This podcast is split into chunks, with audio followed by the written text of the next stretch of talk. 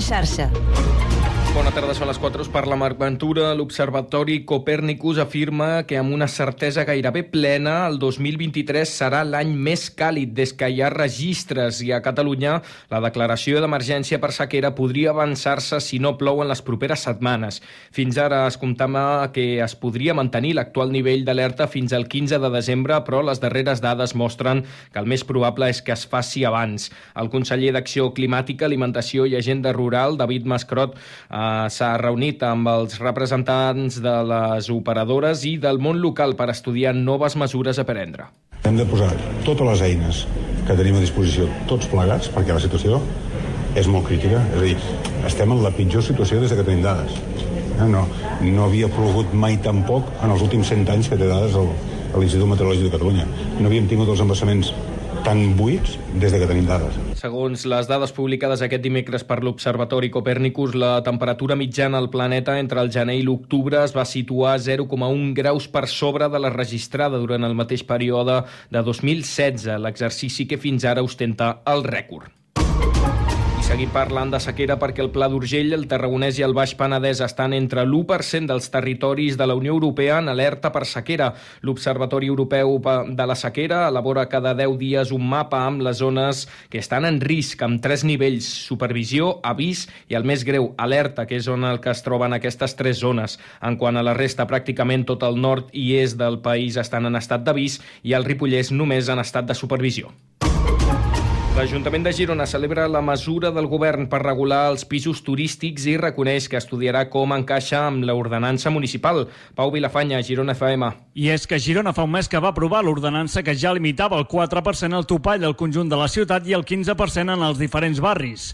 Cristina Andreu, tinenta d'alcalde de Transformació Urbana, creu que la del govern és una bona mesura i que caldrà veure com s'adapta a la realitat gironina. Els ajustos no seran intentaran anar amb la línia del que la nostra regulació ja preveia, que és prioritzar l'ús residencial de l'habitatge enfront d'altres usos i alhora també que aquests usos turístics tinguin també un marc eh, regulador. Andreu ha reconegut que estudiaran la nova llei del govern per veure si poden ser també més restrictius amb els pisos d'ús turístic al barri vell.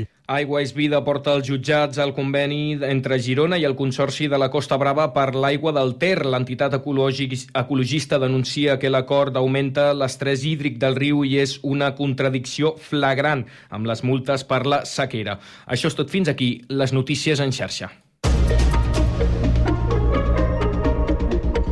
Notícies en xarxa. 4 i 3 minuts. Comença el Connectats.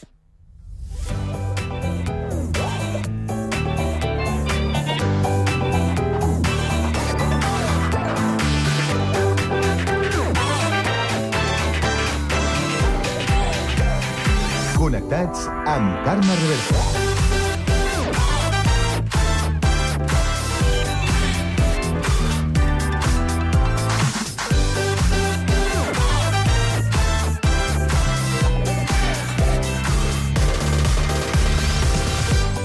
Molt bona tarda, salutacions i benvinguts un dia més al magazín de tarda de la xarxa. Aquest connectats de l'àrea metropolitana de Barcelona, que, com sabeu, fem Ràdio Sant Cugat, Ràdio Sabadell, la Ràdio Municipal de Terrassa, el Prat Ràdio, Ràdio Ciutat de Badalona i Ràdio Castellà.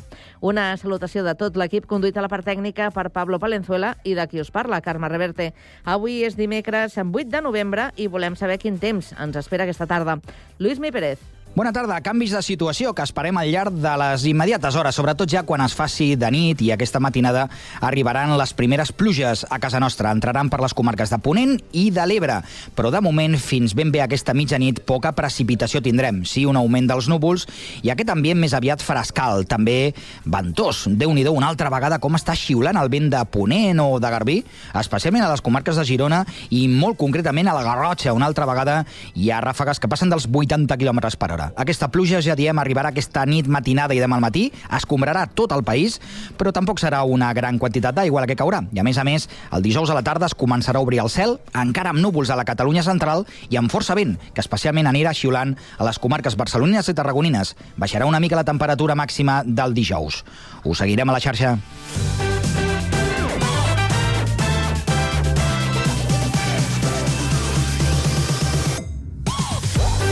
Bé, doncs avui al Connectats parlarem de la nova campanya de la Generalitat per aconseguir més famílies d'acollida. Entrevistarem Josep Maria Forner, director de l'Institut Català d'Acolliment i Adopció, i una família d'acollida. Acabarem la primera hora amb la tertúlia generalista per parlar del fre als pisos turístics i de l'anunci de vaga dels treballadors de Renfe i Adif pel traspàs de Rodalies. A partir de les 5 coneixerem el Club Corfals eh, Badalona. Continuarem amb gastronomia també des de Badalona per descobrir a Mauta, la primera torradora de cafè i cafeteria d'especialitat que hi ha en aquesta ciutat i acabarem amb un nou episodi del Coses d'Antes, amb Oriol Carreras i Sergi Estapé, que tornaran a parlar i a fer memòria de la publicitat.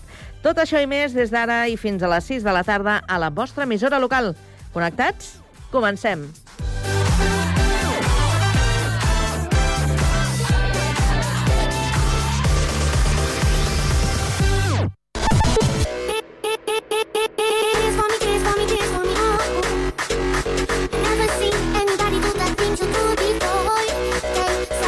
Connectats, una experiència radiofònica a Sabadell, Terrassa, Sant Cugat, El Prat, Castellà i Badalona.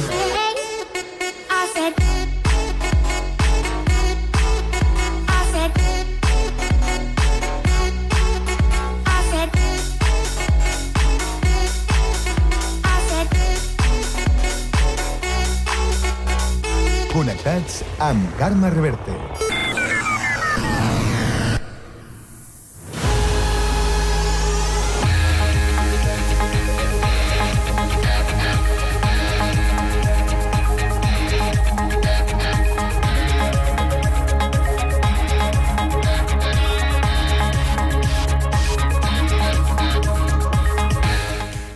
Passen 7 minuts de les 4 de la tarda és moment d'actualitzar-nos. Ho fem amb aquest repàs a l'actualitat que avui també obrim per Terrassa. Sergi Estapé, bona tarda. Bona tarda. En la recta final de la celebració del seu centenari, la Federació Catalana d'Hoquei ha presentat el llibre que commemora aquests 100 anys. Ho ha fet a la Casa de l'Esport de Terrassa, on hi han assistit personalitats del món d'aquest esport i de la resta de disciplines. L'autor ha estat Josep Maria Biosca, que és president de l'Atlètic i també del comitè organitzador del centenari, que ja va ser el responsable del llibre del 75è aniversari.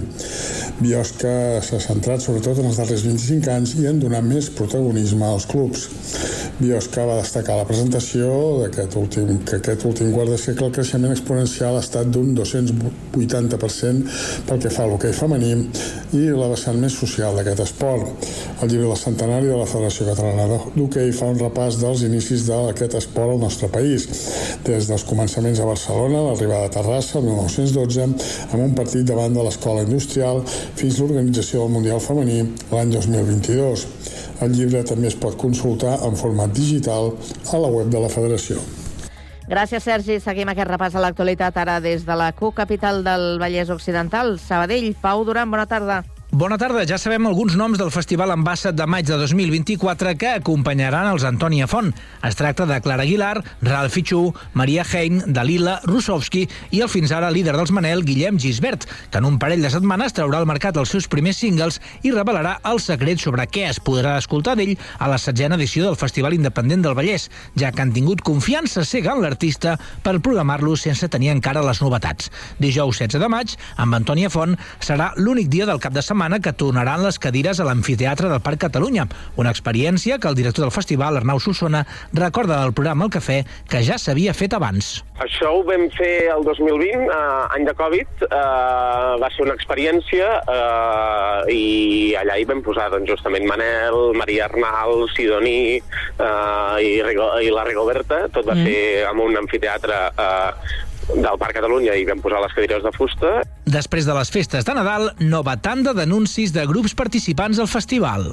Gràcies, Pau. Anem ara fins a litoral a Badalona. Avui que és notícia. Andrea Romera, bona tarda. Bona tarda, Carme. Badalona ha de retornar 460.000 euros de la subvenció dels plans locals d'ocupació per no poder donar compliment als terminis legals. Així ho ha denunciat l'alcalde Xavier García Albiol, que acusa l'anterior govern de no iniciar els tràmits pertinents a temps. Segons l'alcalde, el termini d'execució d'aquest pla finalitzava el 31 de desembre de l'any passat. En aquell moment, apunta Albiol, el govern no havia iniciat els procediments procediments administratius corresponents per a la seva execució. Des de l'antic executiu, la regidora Rosa Trenado ha reconegut a la tertúlia del Badalona Matí que és un fet que es dona habitualment per manca de personal. No es que haya pasado esta vez, que es algo que pasa habitualmente, que el ayuntamiento sabemos que tiene falta de personal para ejecutar todos los planes que muchas veces se solicitan a la Diputación y que de hecho el anterior tinente alcalde devolvió dineros de, del anterior gobierno del PP, o sea que es algo que, que ocurre habitualmente. El hecho de que se solicitan demasiado propuestas del catálogo de servicios de la Diputación que luego el ayuntamiento no tiene personal para poder ejecutar. Aquests fons anaven destinats als plans locals d'ocupació que preveien la contractació de veïns de Badalona en situació d'atur. Gràcies, Andrea. I seguim ara l'actualitat des del Prat de Llobregat. Lluís Rodríguez, bona tarda. Bona tarda. L'Agència Catalana de l'Aigua ha licitat per més de 100.000 euros la redacció d'un projecte de restauració ambiental i funcional de l'espai protegit de l'estany de la Ricarda al Prat, segons ha informat avui La Vanguardia. El projecte està vinculat a la darrera ampliació de l'aeroport. La declaració d'impacte ambiental establia l'any 2002 que part de l'aportació d'aigua a l'estany havia de procedir de l'aeròdrom. Segons l'ECA, però, s'ha comprovat que el cabal aportat no ha estat suficient per millorar l'estat ecològic d'aquesta massa d'aigua. L'Ajuntament del Prat, de fet, fa temps que reclama que s'incrementi l'aportació d'aigua a la Ricarda per millorar-ne la salut i revertir la pèrdua de biodiversitat d'aquest espai. Es preveu que la redacció del projecte trigui aproximadament un any i, per tant, l'aplicació del pla encara haurà d'esperar. Gràcies, Lluís. Tornem del litoral al Vallès, a Castellà concretament. Guillem Plans, bona tarda. Bona tarda. Presència castellarenca al REC.0 d'Igualada. Dues firmes locals, Batec i Garbanzo Negro, seran des d'aquest dimecres i fins dissabte al Festival Eclèctic de Moda, Cultura i Gastronomia que se celebra dues vegades a l'any al barri del REC d'Igualada. Les velles fàbriques i adoberies del barri industrial de la ciutat es transformen de forma efímera en pop-up stores de moda on grans marques locals i internacionals i dissenyadors independents i emergents hi venen els seus estocs i mostraris a preus únics. Ja acabarem amb el repàs a l'actualitat de Sant Cugat eh, per explicar-vos que Detallets actua actuarà a Sant Cugat el 16 de desembre en els Premis Capital de la Sardana 2023 que se celebraran al Teatre Auditori. El grup mataroní ho farà al costat de la Copla Sant Jordi, que ha fet un arranjament de la popular cançó Coti per Coti, que veurà per primera vegada la llum en aquest acte. D'aquesta manera, el desig de l'entitat sardanista de Sant Cugat es farà realitat. L'entitat va explicar a Cugat Mèdia el juny que havien convidat Detallets a participar de les activitats de la capitalitat de la Sardana que enguany ostenta el municipi i per agrair l'impuls que el grup ha donat a la Sardana amb el seu lema Estrella, amb més de 17 milions de reproduccions a Spotify. Detallets, a més, rebrà un dels premis a iniciatives renovadores per la seva cançó Coti per Coti, que combina el reggaeton amb la sardana i la sonoritat de la copla. També s'entregaran les medalles al mèrit, el premi a la dedicació, el premi a la continuïtat, a la promoció i difusió, el Premi a Mitjans de Comunicació i el Premi a la Recuperació Històrica. Els Premis Capital de la Sardana 2023 començaran a les 6 de, de la tarda. Aniran conduïts pels presentadors de Catalunya Ràdio dels programes Sardana.net i Mans, Quim Rotllan, Esther Plana, Sergi Vives i Anna Tantinyà.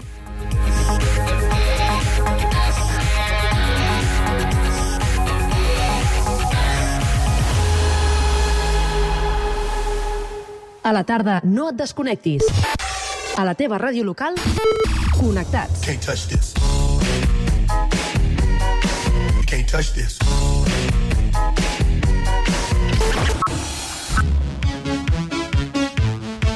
Can't touch this.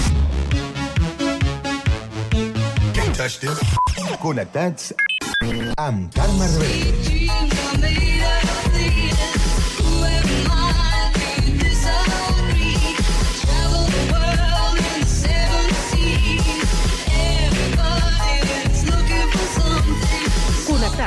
Una experiència radiofònica a Sabadell, Terrassa, Sant Cugat, El Prat, Castellà i Badalona.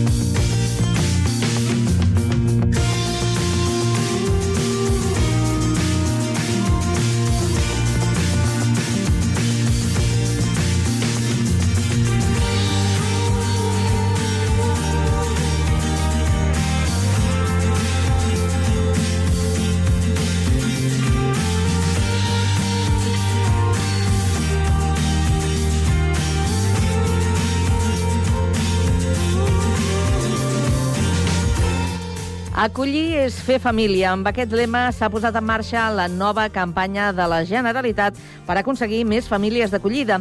Acollir és fer família es presentarà a diverses ciutats de Catalunya fins al 12 de desembre i avui fa parada al Connectats. Ens acompanyaran eh, en aquesta conversa el eh, director Josep Maria Forner, que és director de l'Institut eh, Català de l'Acolliment i l'Adopció, i també la Fàtima Gómez, que és sabadellenca, una sabadellenca que és família monoparental d'acollida. Fàtima, bona tarda. Hola, bona tarda. De seguida saludem a Josep Maria Forner. Si et sembla, eh, comencem a explicar una mica quin és el teu cas. Eh, tu ets mare biològica d'una nena de 15 anys i des de, des de juny de 2018 aculls una nena que ara té eh, 9, 9 anys. En, gen en general, com diries, Fàtima, que està sent la teva experiència com a família d'acollida? Mm, bé, la meva experiència ha sigut molt positiva i la veritat és que jo sempre explico que ha sigut molt fàcil, no? que no sempre és fàcil, però que a mi m'ha resultat molt fàcil. No sé si perquè justament la nena que m'ha tocat, no, diguéssim, no, doncs uh, m'ho ha posat fàcil o perquè realment, bueno, doncs tot el procés, no, ha sigut, ha sigut uh, uh, doncs una mica com havia de ser, no, i, i, i hem, hem quadrat molt les coses, no, no sé, jo no, la meva experiència és molt positiva des de sempre, no. Quan Estàs contenta? Sí, sí, sí, molt, molt, molt, sí, sí. Porteu, porteu cinc anys. Explica'm una mica eh, eh, quin, quins canvis s'han eh, produït o has hagut d'introduir en les teves dinàmiques eh, habituals des que teniu doncs, eh, la, aquesta nova membre a la família. Ja, um, bueno, clar, ja acabé de canviar tot, no? Jo soc família monoparental, jo tenia una nena en aquell moment de 10 anys, i sí que primer havia plantejat el tema de l'adopció com una opció per, doncs, perquè la Maria, que és la meva filla uh, biològica, doncs, no es criés sola. Mm. I, I la veritat és que l'adopció bueno, doncs, pot estar molt bé, però en aquell moment no, no em va convèncer. No? Vaig pensar que, que hi havia un negoci tot darrere, no? les, les adopcions internacionals. Em van parlar de les acollides i, i, i vaig pensar que era justament el que estava buscant. No? I dir, bueno, jo vull no? tenir més família, augmentar la família amb una nena que, un nen que, que vull cuidar i, i era aquest, aquest procés. No? Llavors, quan va arribar la Sara, clar, doncs és com si arriba un, un, una nova nena a, a una casa on hi havia només una, no? Llavors has d'adaptar no? tota la teva tota la teva organització doncs, això, no? a tenir dos nenes i, i, i, i també no? intentar pues, això, no? que, pues, a veure com es portaran entre elles, a veure si hi haurà no? el tema dels gelos, eh, ah. com organitzar-nos, eh, com, no sé, com muntar les escolars, no? Bueno, pues, pues, com si arribés una altra nena a casa. O sigui, per mi ha sigut justament això, no? Per mi la Sara és una segona filla, no? I l'encaix és perfecte, no?, entre les tres? Mm, sí, bueno, al començament, bueno, això, sempre pues, pues, com una germana més, o sigui, hem tingut unes èpoques més de gelos, no?, de gelosia, de, de la Maria, no?, que és la filla gran, doncs, doncs d'intentar no? Mm, mostrar que ella, jo sóc la de veritat, no? I, i bueno, i vaig parlar molt, no? I a, i a mesura que anaves parlant les coses i, i, i ens, aven, bueno, ens adonàvem de que en realitat som, pues això, no? Són dues nenes, són dues germanes, es crien juntes, eh, es barallen juntes, eh, s'estimen juntes i que, que tot ho fan com a germanes mm. eh, biològiques, no? Ens, ens explicaves que, eh, en principi, tu, la teva idea era eh, adoptar, però que finalment et vas decidir per, eh, per eh, acollir. Tenies alguna referència sobre algun conegut, algú que, que t'hagués no. explicat una mica com funcionava tot això? No, no, no, no, no sí, vaig llançar-me a la piscina directament. Eh? Però, però la veritat és que vaig anar a una reunió eh, en aquell moment sobre acolliments i, i, i la idea, bueno, sí que és veritat que has de fer un procés de dir, els nens no són teus, no? O sigui, hi ha un, aquest, aquesta història no, darrere, mm. de dir, quan aculls, clar, en principi tenen unes famílies biològiques i, i, i seria ideal, en un món ideal, doncs, que tornessin amb les seves famílies biològiques i tu el que fas és cuidar-los durant un temps mentre les seves famílies biològiques no poden no, o, no, o, no, o no saben no? i han d'aprendre, no? Però és veritat que la majoria de nanos no retornen a les seves famílies biològiques, no? Hi ha un, un, un tant per cent molt alt de, de, de nens que no en retornen, però has de fer l'encaix aquest de que, bueno, les famílies biològiques continuen estant, ells tenen uns pares biològics a les que fem visites, no?, uh, uh, periòdicament, sí. en el nostre cas són cada 15 dies, i la Sara va veure els seus pares biològics cada 15 dies, i hem anat treballant tot això, no? El fet de dir, bueno, doncs tens dues famílies, no? Tens la família biològica, no? I, i estem nosaltres que et cuidem, no? En aquest cas soc jo, no? I, i bueno, és una mica aquesta és la realitat que tenim, no? Mm. Jo ara estava pensant, eh, m'estava posant en el, teu, en el teu cas, Fàtima, uh -huh. i com, eh, com prepares, com li expliques tot això a la teva filla de 15 anys?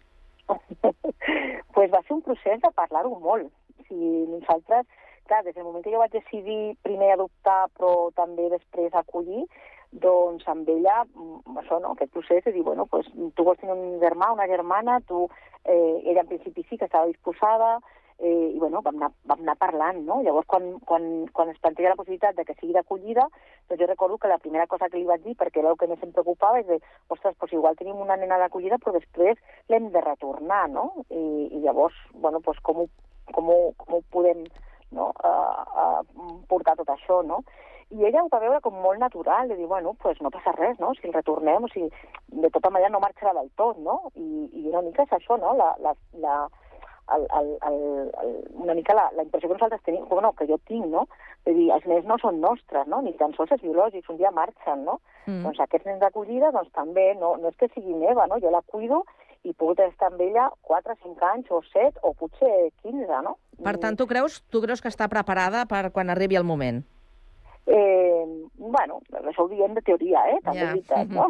Sí, sí. però, però sí que és veritat que jo, jo sí que sento que, que aquest lligam que hem establert amb ella no es perdrà, no? Llavors, no sé quina serà la situació d'aquí a dos, tres anys, però en principi eh, bueno, pues ja hem establert un vincle no? amb la Sara i, i, i evidentment no la perdrem no? del tot. No? Si, si, si el cas és que hagués de retornar, no? que, que ja et dic que potser no sé les estadístiques exactes, però del voltant del 95% dels nanos no retornen a les famílies biològiques, no? Mm. Amb la qual tu estableixes aquesta continuïtat doncs, per sempre, no?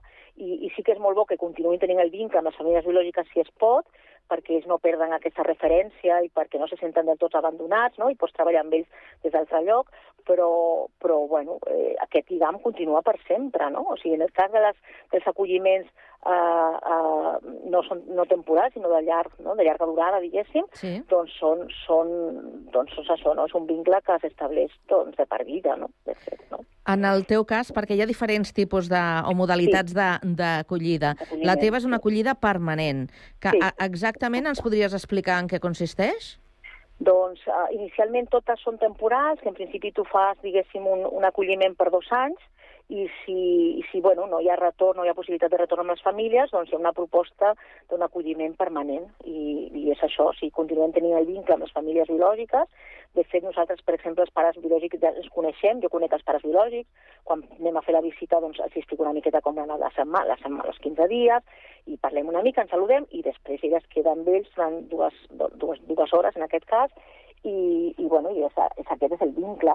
Eh, és permanent i, i això, pues, bueno, això vol dir que, que jo sóc la seva tutora legal, diguéssim, no? No tinc la pàtria potestat, però sóc la seva tutora legal, no? Efectes d'això, no? De, del dia a dia, no? I en aquest procés que vas haver de- d'iniciar fins a aconseguir doncs, a ser oficialment eh, família d'acollida, quins requisits eh, havies de, de complir? Eh, bueno, eh, jo vaig anar a una reunió una mica doncs, perquè en què consistia i després sí que em vaig posar en contacte amb una, una entitat que treballa amb famílies d'acollida i que una mica fan una mena de formació. La formació té una durada d'uns 6, de 6 a 8 mesos, en què una mica t'explica, no? T'expliquen tot això, no? Com, en què consisteix l'acollida, quin tipus d'acollida hi ha, no? Una mica, doncs, com, eh, com es produeixen no? les, les, uh, els expedients, no? com, com, com proposen no? aquests expedients, doncs una mica què has de fer, com es fa el retorn, no? perquè bueno, encara no has acollit, però ja t'expliquen no? la possibilitat aquesta, perquè has d'estar preparat també per si de cas, no? I llavors com són els retorns, no? I, bueno, i després de fer una, aquesta mena de curs no? que fas, doncs, eh, diguéssim que t'homologuen com a família d'acollida Mm. i, i després doncs, entra el procés aquest de, de buscar una mica l'encaix no? del que tu estàs buscant. Pues, jo què sé, en el meu cas, per exemple, jo no volia un bebè, no? Eh, hi ha molts bebès, eh? O sigui, és, és, és increïble. Però jo volia una nena, una, mica, una nena un nen, doncs això, no? a partir de, de 3-4 anys, no? Eh, i, i bueno, ja està. Llavors, eh, quan encaixa, no? quan hi ha un expedient que encaixa una mica amb, la teva, amb les teves demandes, a veure, les teves demandes és simplement això, no? una mica l'edat, no? si vols una nena, no, és tampoc, eh, no, no fas moltes, eh, no crees moltes expectatives, no? pues llavors et fan una proposta i, i llavors tu l'acceptes o no, no? en funció de, de que t'explica una miqueta de la història de vida d'aquesta nena, no? o aquest mm. Ens explicaves al principi de, de la conversa que t'hi vas llançar a la piscina de, de cap, sí. eh, però eh, ha mm, sovint eh, les famílies tenen pors, tenen dubtes a l'hora de fer el pas. Tu, en, en algun moment vas, vas dubtar o tenies alguna inquietud que, que et van resoldre? Um, la veritat és que no, no tenia molts neguits. No? El, per mi el, el neguit potser més, més gran era això, no? el, de, el dir, ostres, acollim una nena i quant de temps podem estar amb ella, eh, no sé, no? l'haurem de retornar, no? com serà, com, no? Mm. Una mica, pues, pues, potser el neguit que pots tenir de, uh, però també passa quan tens un, un fill biològic, no? De, no? eh, no eren grans, grans temes, no? Uh, potser és el tema aquest, no?, del, del retorn, no?, de les, de les visites biològiques, el primer, el primer dia que la portes la visita biològica, què tipus de coses... Sí que et fa una mica de por, no? Doncs ara la porta la visita biològica i com anirà, i com tornarà, i com... Però, bueno, mica en mica han anat resolent, no?, totes aquestes petites coses que van sortint del dia a dia, no?, de, de la feina amb ella, no? I, i sí, t'ajuden, com que tens al darrere una associació, no?, que, que una mica treballa amb les famílies eh, d'acollida i treballes amb els infants, doncs els neguits que pots tenir doncs, una mica te'ls van resolent, no? Mm -hmm. eh, quan arribi el dia en què la teva filla d'acollida eh, hagi de retornar a la seva família d'origen, si això s'acaba produint, eh, tu continuaràs sent família d'acollida? Mm, bueno, no ho sé. Uh, en principi sí, que m'agradaria. Uh, sí? que sí que espero no trencar aquest vincle, no?, amb la Sara si es produeix aquesta, aquesta, aquest moment, no? Llavors, no deixes mai, Mm, la meva idea sí, sí que seria continuar sent família d'acollida. Jo em sento família d'acollida ja, no? O sigui que... O sigui que repetiries l'experiència. Sí, sí, sí que la repetiria. Sí? I de fet alguna vegada m'he plantejat mm, tenir un altre nen d'acollida, no? Però és que, bueno, doncs, eh, ja, dos ja són tela, no? Però, però en algun moment sí, sí que m'ho he plantejat, eh? perquè l'experiència és, de debò que és molt positiva, o sigui, per mi ha sigut un enriquiment, no? O sigui, per la nostra família, o sigui, he sentit, no? Estic formant una família, m'està gustant, no? Perquè ja soc monoparental i, bueno, però, però ostres, no? Tinc també el recolzament del voltant, no? D'amics, no? De, de la meva família també, i, i sento això, no? Que, que, bueno, que he format una família, doncs això, no? La meva filla biològica i amb la meva filla d'acollida, no? No, no, no sé, per mi ha sigut molt enriquidor, no? Mm -hmm. O sigui, una experiència que recomanaries. Eh, ara, precisament, sí. avui parlem amb tu perquè eh, la Generalitat ha engegat aquesta nova campanya oh. perquè hi ha doncs, molts infants i també adolescents que estan esperant doncs, que alguna família els pugui, els pugui acollir. Hi ha molta necessitat i la veritat és que fan falta aquestes eh, famílies. No sé si tenim... No, no tenim disponible el Josep Maria Forner, el director de l'Institut Català de de l'acolliment, però sí que deixarem constància de les dades que es van eh, facilitar en la presentació d'aquesta campanya, perquè eh, hi ha, com deia, 2.000 infants i adolescents que estan en centres o en institucions eh, tutelats per la Generalitat i arran d'una situació de familiar vulnerable que impedeix eh, temporalment que, que estiguin amb la seva família d'origen i que aquestes es puguin fer càrrec. Per tant, doncs, eh, es busca que, tot i estar en aquests centres atesos, eh, la, la condició més idònia seria doncs, poder formar part eh, d'un nucli familiar. Hi ha en total 783 famílies acollidores que acullen fins ara 937 infants i 139 famílies col·laboradores que acullen 150 infants. Aquestes dades eh, són del tot eh, insuficients i d'aquí eh, l'impuls d'aquesta campanya per aconseguir més famílies d'acollida que, com hem explicat, hi ha diferents tipus d'acolliment. Pot ser un acolliment simple, pot ser un acolliment d'urgència, estan també es fan acolliments d'unitats d'acció educativa, d'altres que són de cap de setmana i vacances i, com la que ara explicàvem a través de l'experiència de la Fàtima Gómez, és una, un acolliment eh, permanent. A la Fàtima li agraïm moltíssim que avui ens hagi acompanyat al Connectats per explicar-nos aquesta experiència i celebrem doncs, que eh, l'experiència vagi i continuï anant tan bé. Fàtima, moltíssimes gràcies. A vosaltres per tota la difusió i que és veritat que necessitem famílies i, i bueno, la meva experiència de debò que és molt positiva, però que no ho dic per vendre res, sinó que realment ha sigut així. Sí. Que ho expliques tal com és. Sí, sí, sí. sí, sí. Molt bé, Fàtima, gràcies. gràcies. Bona tarda. adéu, Adéu-siau. Bona tarda, adéu.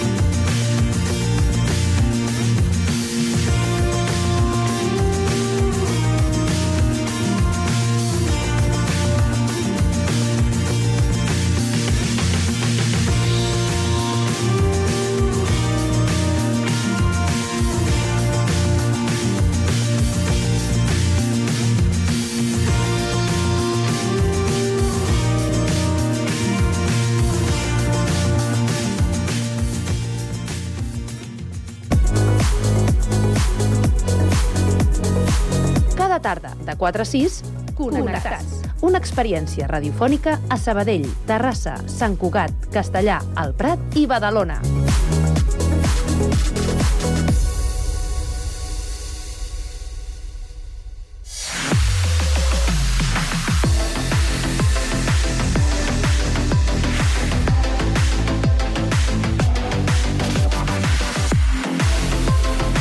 Passen dos minuts de dos quarts de cinc de la tarda i entrem en el terreny de l'opinió. Avui fem tertúlia amb l'Horacio Placenti, que és empresari al Prat de Llobregat. Horacio, bona tarda. Horacio, bona tarda. Bé, el saludem després, de seguida que el tinguem disponible. A Castellà tenim l'Òscar Cardona, el director de la carpeta de l'AVI. Òscar, bona tarda. Bona tarda, què tal? Com estàs? Bé, bé, Molt bé. bé. Molt bé. Anem a Badalona. Allà hi tenim l'Enric Garí, que és eh, president del Gremi de Constructors d'Obres. Què tal, Enric? Bona tarda. Molt bona tarda a tothom. Què tal? A veure si tenim l'Horacio disponible, que en principi l'hem de tenir als estudis del Prat Ràdio. Horacio, bona tarda. No, vinga. Doncs eh, ens hi posem i l'incorporem de seguida que tinguem eh, notícies de, de l'Horacio. Avui parlem de dos temes, eh, mm, diríem que bé, estan, estan bé. És allò per fer a l'hora de, del cafè, mm, parlar d'habitatge, parlar de mobilitat... Eh, jo crec que són temes d'actualitat, però més cada dia perquè el tema de l'habitatge, doncs, eh, si no és per una banda, per l'altra, sempre ens porta eh, algun mal de cap. I si parlem de, de la mobilitat, eh, no ens quedarem eh, enrere. Fre als pisos turístics. Eh, la Generalitat ha, ha fet un decret eh, llei que ha, haurà de votar al, al Parlament per, eh, per fer doncs, que eh, aquest, aquest tipus d'habitatges doncs, estiguin més, eh, més controlats. Eh, caldrà en 262 eh, municipis, que són els que estan més afectats, són municipis de l'àrea del Pirineu, de la costa i també de l'àrea metropolitana de Barcelona. I us he de dir que aquí queden inclosos tots els municipis que formen part d'aquest eh, Connectats, des del primer fins a, fins a l'últim. Aquesta dificultat eh, que hi ha per l'accés a, a l'habitatge, principalment en aquestes zones, que són les més tensionades, són les que es veuran afectades per aquestes llicències, llicències d'urbanisme municipal i també una autorització turística que hauran de treure les persones que, que vulguin eh, mm, destinar aquests habitatges a, a, al turisme i que tindran una validesa de 5 anys, que es podran renovar. Eh, us sembla una bona fórmula per frenar eh, doncs, aquesta tendència que hi havia desbocada a intentar fer negoci amb aquests pisos turístics? Enric? A veure, eh, a mi m'agradaria, primer de tot, eh, treure una llança per aquells petits propietaris que tenien un pis que el llogaven i que podien llogar-lo a preu lliure i totes aquestes coses, que ara els hi han tret una llei que resulta que aquests senyors, doncs, bueno, amb cinc habitatges que puguin tenir, eh, són grans tenidors i a partir d'aquí ja entren en una llei mm, bestial que hi entra fins i tot els grans fons d'inversió. Aleshores, què passa? Doncs que, bueno, si aquests senyors, ara poso el cas d'uns autònoms que han arribat a la seva jubilació i tenien 3, 4 habitatges per llogar. Llavors Mm. ells diuen, bueno, mentre el que jo cobro d'autònom més el que jo cobraré d'aquests lloguers, em pot quedar una pensió una miqueta digna. Aleshores, ara resulta que aquests senyors els hi han tallat les ales i els hi han dit no, no, això no pot ser perquè vostè el màxim que pot llogar aquest habitatge és aquest preu.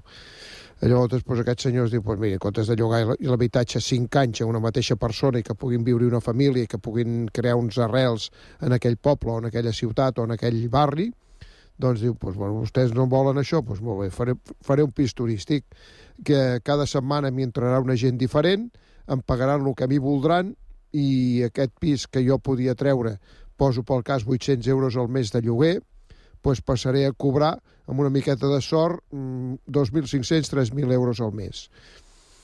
I l'altre diuen, ah, és que això no pot ser perquè aleshores les persones que venen a treballar en aquesta comarca no poden viure en aquests pisos perquè són caríssims. Oh, però és que la llei no em deixa llogar d'una altra manera perquè aleshores mm, hi perdo diners.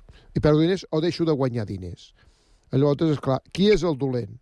Aquella persona que vol, amb aquell, amb aquell esforç que ha fet, ha comprat aquell pis i el lloga, aleshores li diuen, no, no, vostè no pot llogar això a aquest preu. Doncs, bueno, doncs faré una altra cosa, faré un pis turístic, que això és una manera abusiva de cobrar uns lloguers bestials. Però, esclar, com que cada 15 dies o cada setmana canvia la gent, doncs tira, paga, vés-te'n i calla. I ja està, poso una dona de fer feines que em neteja tot el pis un altre cop i al cap de dos dies torno a llogar tot. Llavors, Enric, Mm. ara saludem al- a l'Horacio Placenti, que ja el tenim a, en comunicació. Horacio, bona tarda. Hola, buena tarde, aquí estoy. Había un problema técnico, ya está solucionado. Ja, doncs ja està, ja, ja hi som tots. Eh, llavors, Enric, pel que tu estàs comentant, entenc que eh, el problema és que s'ha posat a tothom en el mateix eh, sac i ara Sí. paguen justos per pecadors. Sí, s'ha posat al mateix sac. Les persones aquelles que havien, tenien uns pisos que havien heredat, per exemple, o que havien pogut comprar treballant i fent un esforç, pel dia que fossin vells, eh, fossin grans, tenir una renda, doncs no, ara els hi han posat un topall i llavors aquestes persones diuen, pues, escolta, si per aquí no puc, aniré per allà. I aleshores, ara la manera de fugar-se és pel, pels pisos turístics aquests. Que a mi no m'agrada gens aquest sistema, eh? no m'agrada gens perquè és una manera d'entrar i sortir gent, una manera que se fan malbé les cases, una manera que es fan malbé les coses, perquè aquesta gent en 15 dies no tenen cap cuidado. Però també també- t'haig de dir que com que Sí, digues, digues. Tam- També t'haig de dir, com que jo sóc constructor, també em va bé, m'entens? Perquè embussen les coses, fan malbé les coses, llavors nosaltres feina. anem, reparem, pintem, donen feina. Ja, el que passa és que una conseqüència, per exemple, de- d'això, ja ho hem vist, és l'expulsió de, uh, de ciutadans d'aquells municipis Sí. a altres municipis colindants o vés a saber, vés a saber o, on. o, o comarques colindants. També, també. I em refereixo a, tra a treballadors de la restauració, treballadors de Mossos d'Esquadra, eh, mestres, eh, aquestes persones que tenen una mobilitat que avui estan aquí i dintre de dos anys estaran en una altra banda per necessitats de la feina, doncs eh, els treuen pràcticament de la comarca. A la que sigui una comarca o unes localitats una miqueta turístiques, vesten a 100 quilòmetres perquè no podràs pagar els lloguers. Mm. Vinga, Òscar. I et parlo de, de 100 quilòmetres, eh? Ja, ja.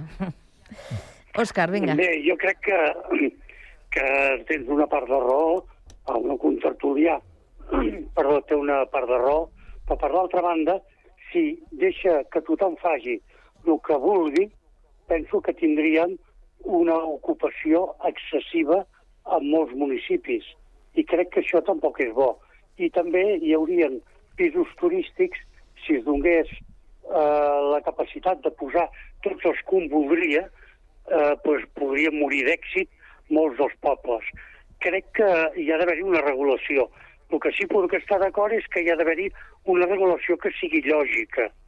Però clar, ja que el meu contertulià ha fet molt esment amb el tema d'aquest senyor que, o aquesta senyora que té uns diners i els ha dedicat amb això, clar, la gent que té diners en un banc i el banc textualment els hi està robant perquè no els hi dona res i a sobre encara els hi cobra el manteniment de, de la compta, vull dir, aquests senyors també es podrien queixar molt, perquè també han fet un gran esforç per fer aquests estalvis.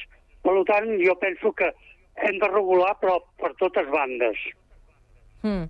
Vinga, més opinions. Estic, estic total... Perdó, estic totalment d'acord amb aquest tema. O sigui, eh, per què la gent s'ha dedicat a comprar més habitatge? Perquè si posaven els diners al banc, el banc no els hi donava res, és més, havien de pagar per tenir els diners en el banc. Manera, compro un habitatge, trec un lloguer i mira, mentrestant vaig, vaig vivint o m'ajuda a viure aquell, aquest petit lloguer. A veure què Després, n'opina una l'Horacio. Eh, una- deixem una altra cosa, que perdoneu- s- Vinga, que si Vale. no, no, no donarem treva a la... Horacio, Bé, després ho pots afegir, vinga. Bueno, a primera vista esto tiene toda la pinta de ser una ocurrencia más que algo bien, bien pensado. Yo miro los números eh, y hago cuentas. En 10, 10 licencias por cada 100 habitantes, calcula 100 habitantes, familia tipo son 30, 40 pisos como mucho. Quiere decir que un 25-30% de todos los pisos van a ser de, de alquiler turístico. O sea, aquí hay, hay algo que está mal, o, o- o yo soy un burro, o esto es una burrada, porque no, no, no me dan los números. Tampoco estoy de acuerdo con, con limitarlo eh, eh, así a la, a la torera sin, sin una reflexión municipio por municipio y ver bien qué grado de tensión tienen con la participación de cada ayuntamiento. Esto poner un límite único para todos, aparte que está, es- está mal esta proporción que yo estoy viendo, o, o lo entiendo muy mal, no sé qué decís, qué dice el, esto de contertulianos, pero esto ni por asomo va a hacer que, el, que haya más, eh, más viviendas disponibles para alquiler asequible. Todo el control que se ponga va a hacer que la gente lo, lo retire, mm, teniendo en cuenta eh, las- los enormes riesgos que estamos teniendo en Cataluña de, de que nos ocupen un piso donde no estamos viviendo eh, y, y que viene creciendo año tras año. Digamos que la solución pasaría por más vivienda pública y, y- y no por eh, limitar a los, a los mm, a los inversores que tengan su pisito ahí alquilado, sea en forma permanente o, o turístico. Vinga, a veure, Enric, A i veure, a veure, després a veure si es quadren els números, que és un apunt interessant el que ha fet l'Horacio. Una pregunta. A veure, fa 10 anys, per què no existien aquest, aquesta eh, quantitat de pisos turístics? Per què? Perquè aquests pisos es destinaven a lloguer, mm, lloguer normal, lloguer de tot un any o de 5 anys o de 10 anys, vull dir, un contracte normal. Ara, com que s'han posat aquests topalls, pum, que han pujat els pisos turístics, però han pujat com, com, a, com a bolets. I dius, però, mm, bueno, què passa aquí? I aleshores el tema aquest, què pot, què pot passar amb això? Que no podran llogar com a pisos turístics, doncs tancaran el pis, que no, que no ocupin, tranquils, posaran una alarma i a partir d'aquí els que tindran el benefici seran els de l'alarma i s'ha acabat la història. Sí, estoy de acuerdo. Así será. A veure, Doncs quina cosa més trista. Sí, una mica el resum seria que les circumstàncies d'aquesta vida doncs, ens hi han portat eh, cap aquí. No? Segons expliques, Enric? Mm, jo no sé si són les circumstàncies o les lleis que, s'han que han inventat alguns que no coneixen la, la qualitat de vida de Catalunya i aleshores, doncs, bueno, mm, em refereixo a la llei de Madrid, eh? aquesta llei de grans tenidors i coses d'aquestes, que et comparen amb un, un, petit, un petit estalviador, el comparen amb aquests grans fons voltors Mm. i, bueno, tots els posen al mateix calaix. I qui llepa, qui llepa sempre és el petit. El gran no llepa mai. Òscar, què volies apuntar? Eh, No, no, jo, eh, vaja, eh, crec que estic molt d'acord amb el que acabes de dir, el que acaba de dir el meu contertulià, el que passa que d'alguna manera hi ha d'haver-hi alguna regulació, perquè hi ha municipis i, vaja, i illes que eh, han mort d'èxit, han mort d'èxit per una mala gestió, que en aquest cas estic d'acord també amb el que acaba de dir a l'anterior contertulià, que eh, els ajuntaments tindrien que dir també la seva, perquè cada municipi pot ser un cas diferenciat. Però mm, vaja, jo conec alguna illa, concretament, algunes illes que han mort d'èxit i algunes localitats de, de, de la Costa Brava que s'ha fet tothom el que li ha donat la gana i aleshores, vaja, han perdut qualitat de vida, sobretot aquells que viuen tot l'any.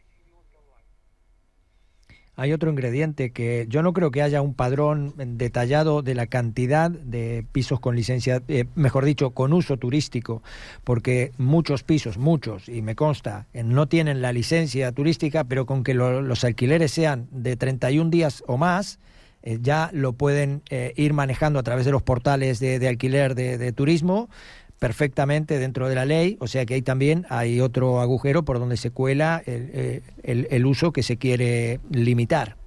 Pero de todas maneras, yo no creo que haya tantos con, estas proporciones que dicen 10, 10 cada 100 habitantes, es como que darían más licencias de las que hay hoy. Y eso que estarán hablando de nuevas licencias, no de las existentes, que el derecho adquirido no se puede quitar. Quien tiene una licencia vigente no se la pueden quitar. Quiere decir que esta ley se aplicaría para nuevas solicitudes. No sé si lo interpretan Sí, però els que, ja, els que ja estan funcionant com a tal eh, han de portar l'autorització la, turística, o sigui, l'han de sol·licitar, i també la, la llicència urbanística municipal. O sigui, que s'han de posar al dia. Els hi donen també un marge perquè, perquè ho regularitzin.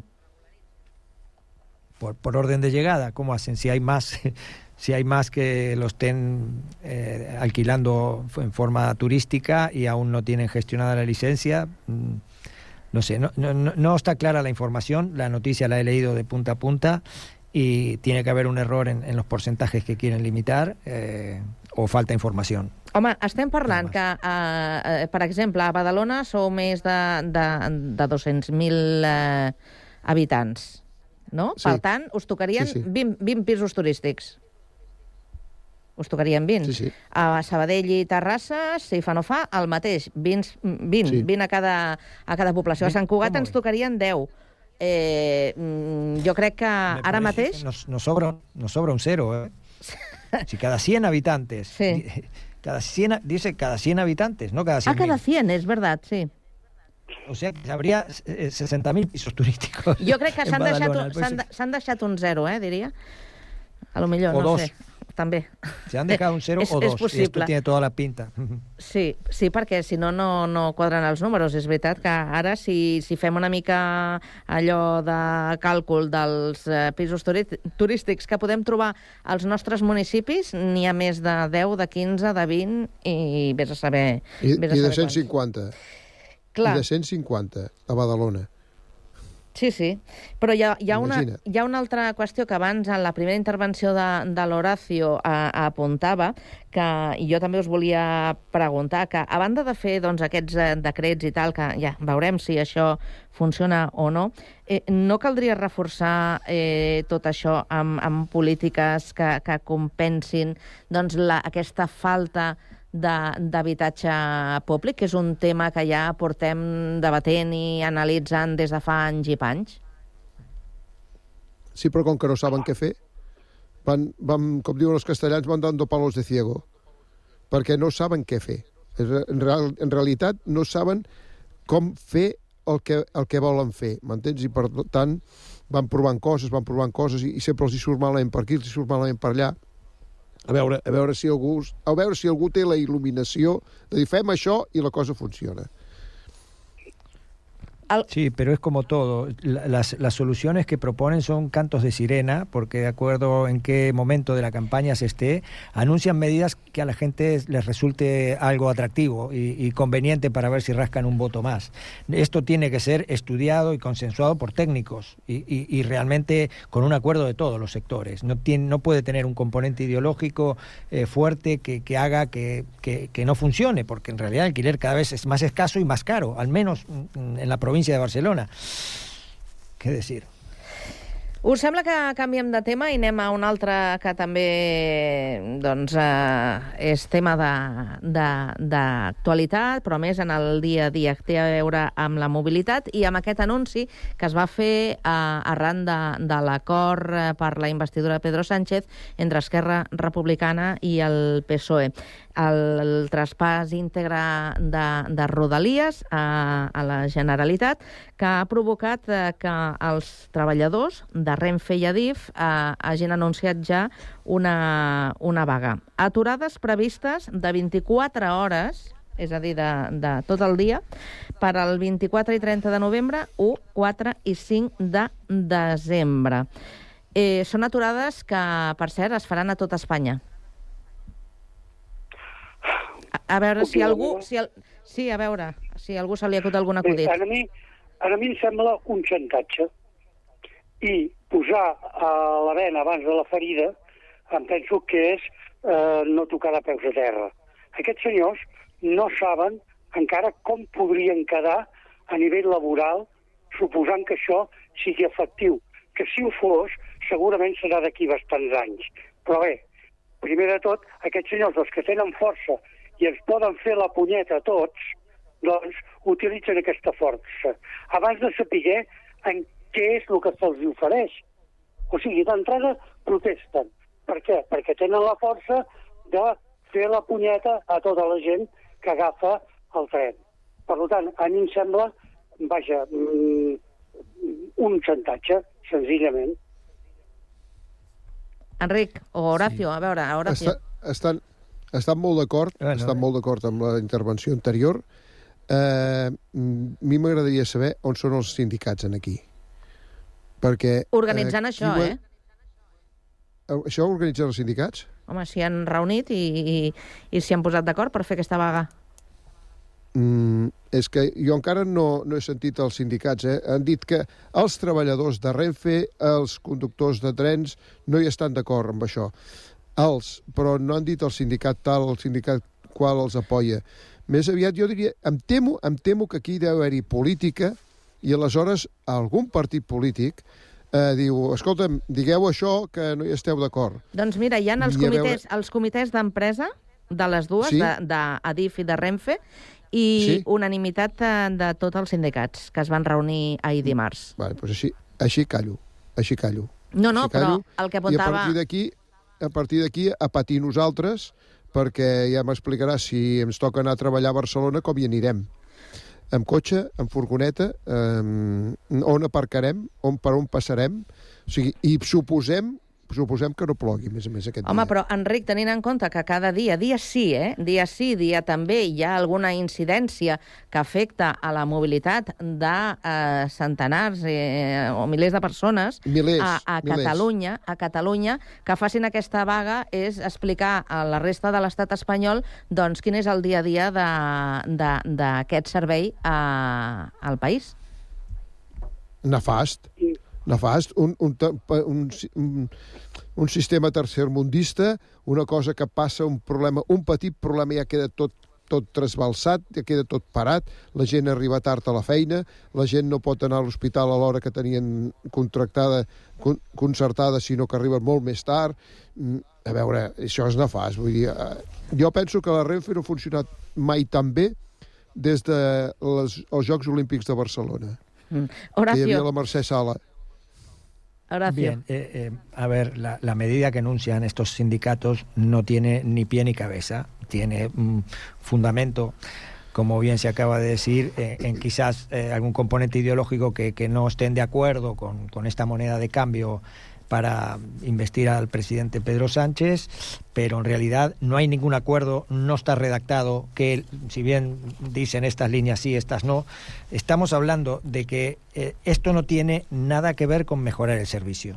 Los, servicios se mejoran con inversión, por empezar. Los administre quien los administre, yo no estoy en contra ni a favor, pero si hace un par de meses el gobierno decía que era imposible, que no se podían ceder las, la administración de, de las líneas porque es, era ilegal, imposible, y ahora de golpe y porrazo esa misma ministra sale a decir que sí y con un borrador, vaya a saber, escrito mmm, entre gallo y medianoche. No, no, no tiene pies ni cabeza porque, porque en realidad no va a, no va a poderse eh, implementar bien si, si, no está estudiado técnicamente, línea por línea, y los trabajadores, como, como cualquier empresa que cambia de propietario, eh, el derecho adquirido que lo tienen, eh, tendrán que aceptar el cambio de, administrador. Yo no entiendo, eh, entiendo que tienen un, poder eh, tremendo en, en- en todos los ámbitos y aún en, los consejos de administración, pero creo que acá no pintan los sindicatos ni los trabajadores. Acá tiene que pintar la, la Generalitat y el Estado español ponerse de acuerdo en qué aspecto, si no se podía y ahora se puede, qué es lo que han corregido, qué es lo que ha desaparecido para que ahora sea algo viable y factible. Pero si no ponen inversión, o que lo administre otra administración pública, no va a solucionar el problema del servicio para los usuarios. Y esta vaga, lo que va a hacer esta huelga es seguir perjudicando más de lo que ya están perjudicados los usuarios que no tienen un servicio acorde al nivel que desean. Què us sembla, Enric i Òscar? Òscar, va. No, no, aviam, és que, eh, de, de que els, eh, això és una demanda de per part de la Generalitat de fa molts anys de que eh, tindrien que traspassar-se, eh, diguéssim, tot el que és eh, la Renfe, o sigui, DIF, etc. Ara bé, el que és molt important és que hi hagi una economia que ho pugui suportar, perquè si només ens traspassen a Catalunya eh, la Renfe, la veritat és que podem estar molt pitjor si no hi ha uns diners que ho suportin i que millorin aquestes línies. O sigui, estic d'acord en que potser s'ha fet d'una manera molt precipitada i que sense comptar amb tots els aspectes que té aquest trasllat, aquest trasllat de, de, de, de, de, de la Renfe. Ho podem, Eh, deixar, ara bé. ho, ho podem deixar en que eh, és la voluntat, i d'aquí la signatura de- de- d'aquest eh, acord. Una altra cosa serà doncs, a, a, allò que quedi explicitat i escrit en, en, aquesta, en, en aquest acord i en aquest cas, i que, a més, eh, eh, si s'executa serà a, a llarg termini, perquè el, la sessió seria, diríem, en els pròxims anys. Eh, senyors, ho hem de deixar aquí, que no ens queda més temps. Eh, ja continuarem parlant d'aquests i altres temes un altre dia. Horacio, Òscar, Enric, que acabeu de passar bona tarda. Gràcies, igualment. Ok, bona tarda, una Adéu-siau. abraçada.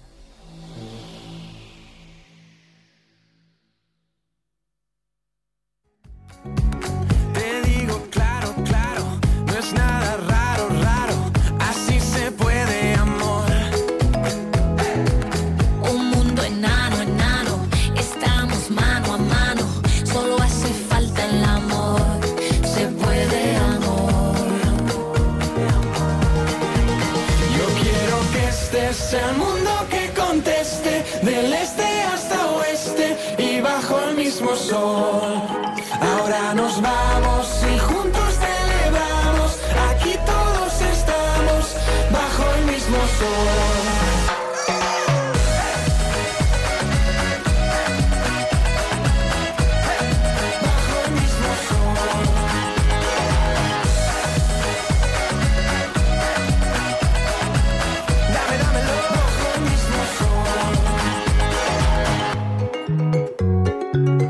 That's a J-Lo.